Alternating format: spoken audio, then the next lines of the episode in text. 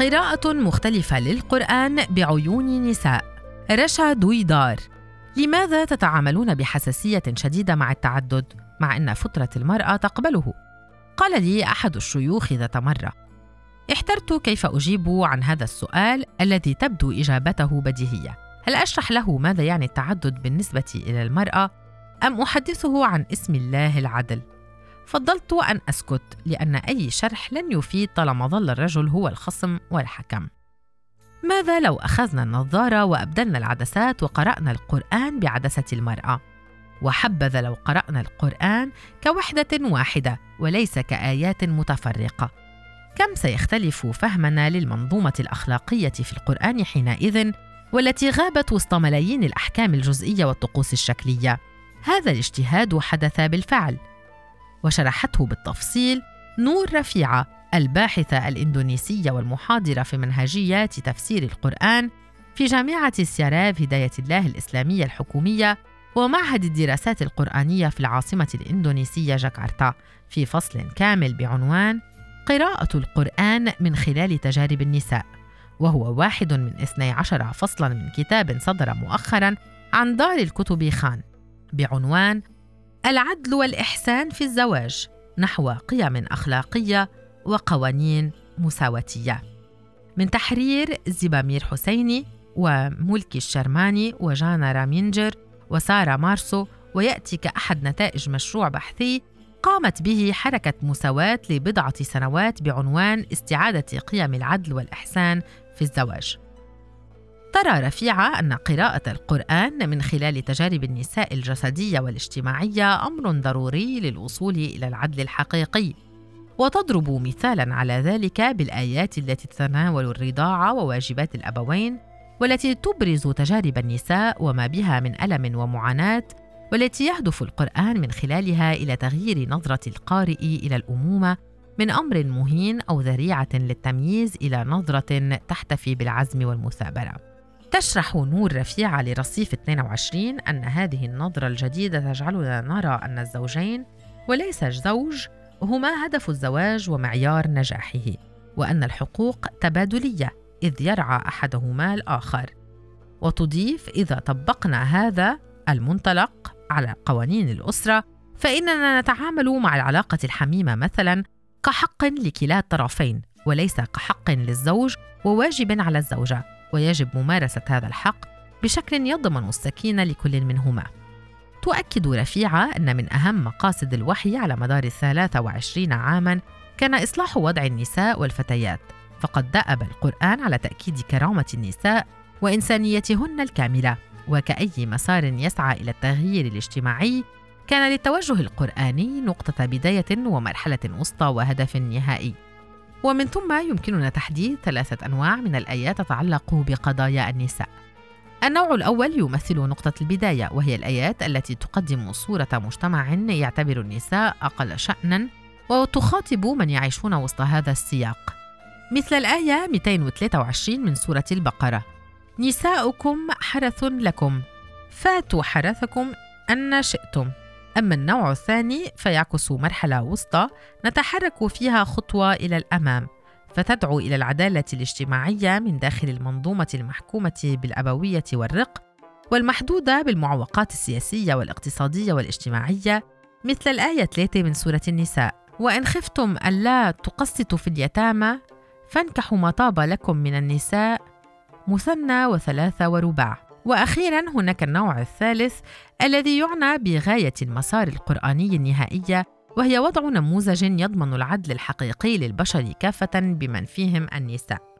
من الأمثلة على هذه الآيات الآية 71 من سورة التوبة. والمؤمنون والمؤمنات بعضهم أولياء بعض يأمرون بالمعروف وينهون عن المنكر.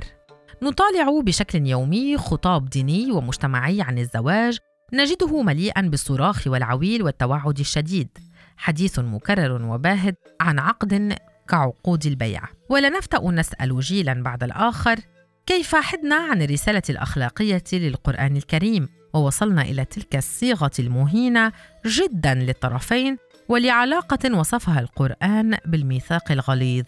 هذا هو السؤال الذي تحاول الكاتبات الثلاث أستاذة الأدب الإنجليزي والمقارن في جامعة القاهرة المصرية والعضوة المؤسسة في ملتقى المرأة والذاكرة والعضوة في فريق عمل إنتاج المعرفة التابع لحركة مساواة أميمة أبو بكر والباحثة في قضايا النساء في الإسلام والمديرة السابقة لمركز دراسات المرأة في الإسلام التابع لمؤسسة الرابطة المحمدية للعلماء في المغرب أسماء المرابط والأستاذة المشاركة للدراسات الإسلامية ودراسات الشرق الأوسط في جامعة هلسنكي الفنلندية ملك الشرماني الإجابة عنه من خلال فصل آخر من ذات الكتاب.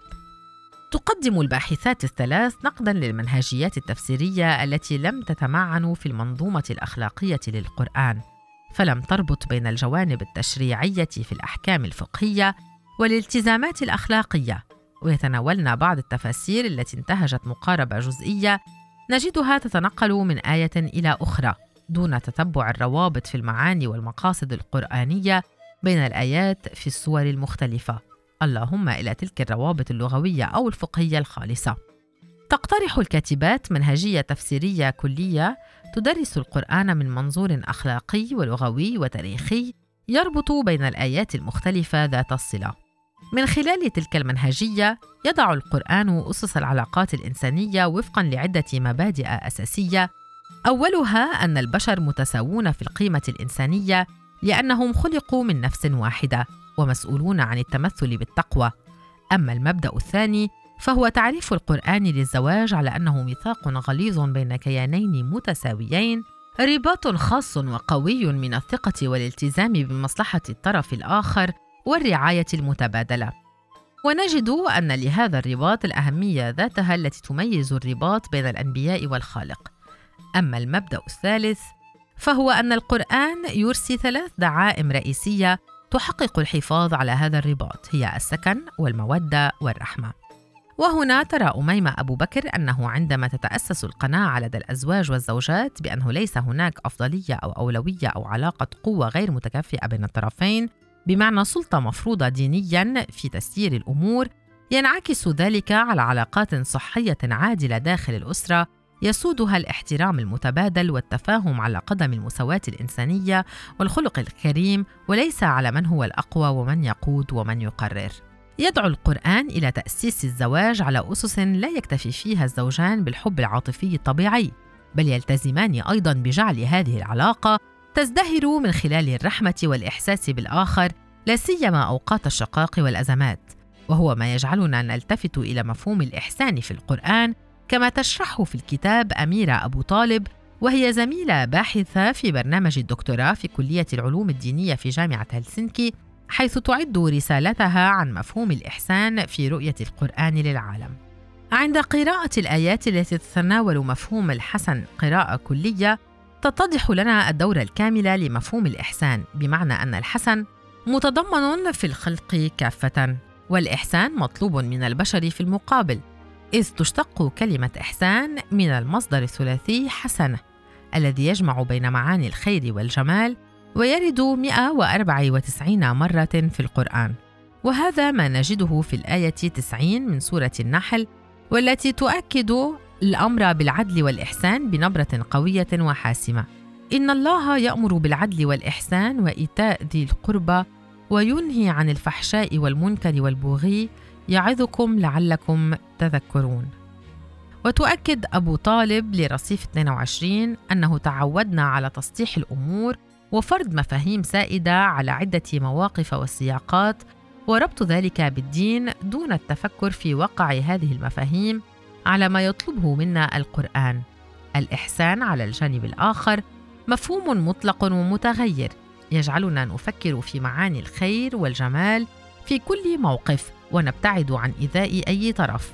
لا شك أنه بعد كل هذه الرسائل الأخلاقية يصعب علينا استيعاب الهوة السحيقة التي تفصل بين قيم الإحسان في القرآن وقبح الواقع المعيش للأسرة المسلمة وهو ما يجعل تعديل القوانين بصورة تضمن تحقيق العدل خطوة ملحة على طريق استعادة قيم الإحسان. وبينما تعد هذه الأعمال التفسيرية المبكرة جزءا مهما من التراث التأويلي نستلهم منه حرص المفسرين على التفكر والتمعن في آيات الله إلا أن إعمال العقل والضمير معا لم يعد ترفا بل أصبح واجب الوقت هو فهم رسالة القرآن الأخلاقية واستخدامها في استنباط أحكام أكثر عدلا بدلا من إعادة تدوير تفسيرات أبوية قديمة. تمنيت كثيرا في صغري أن أجد شيخ أو مفتي ولو لمرة واحدة. امرأة تستطيع أن تشعر بي فعلا بدلا من مئات الرجال الذين ينظرون ليل نهار عما يجب أن تكون عليه فطرة المرأة ولباس المرأة بل ومشاعر المرأة. عرفت بعد ذلك أن الاجتهاد في المعرفة الدينية لا يحتاج شيوخا فحسب بل يحتاج كذلك إلى من يمتلك أو تمتلك أدوات البحث والتحليل ومن ينقل لنا الواقع المعيش. وعند إعداد أطروحة الماجستير الخاصة بي تحدثت مع أربعة رجال دين ما بين شيوخ وأكاديميين. أكد لي ثلاثة منهم أننا لو أردنا الاجتهاد في قوانين الأسرة وحقوق المرأة فلا يكفي أن يجتهد الشيوخ بل لا بد من وجود لجنة فيها رجال ونساء متخصصون ومتخصصات في الدين وفيها كذلك من يمتلكن المعرفة اللازمة بواقع النساء. أتصور أن هذا ما يعول عليه وما يؤكد أن التغيير قادم لا محالة.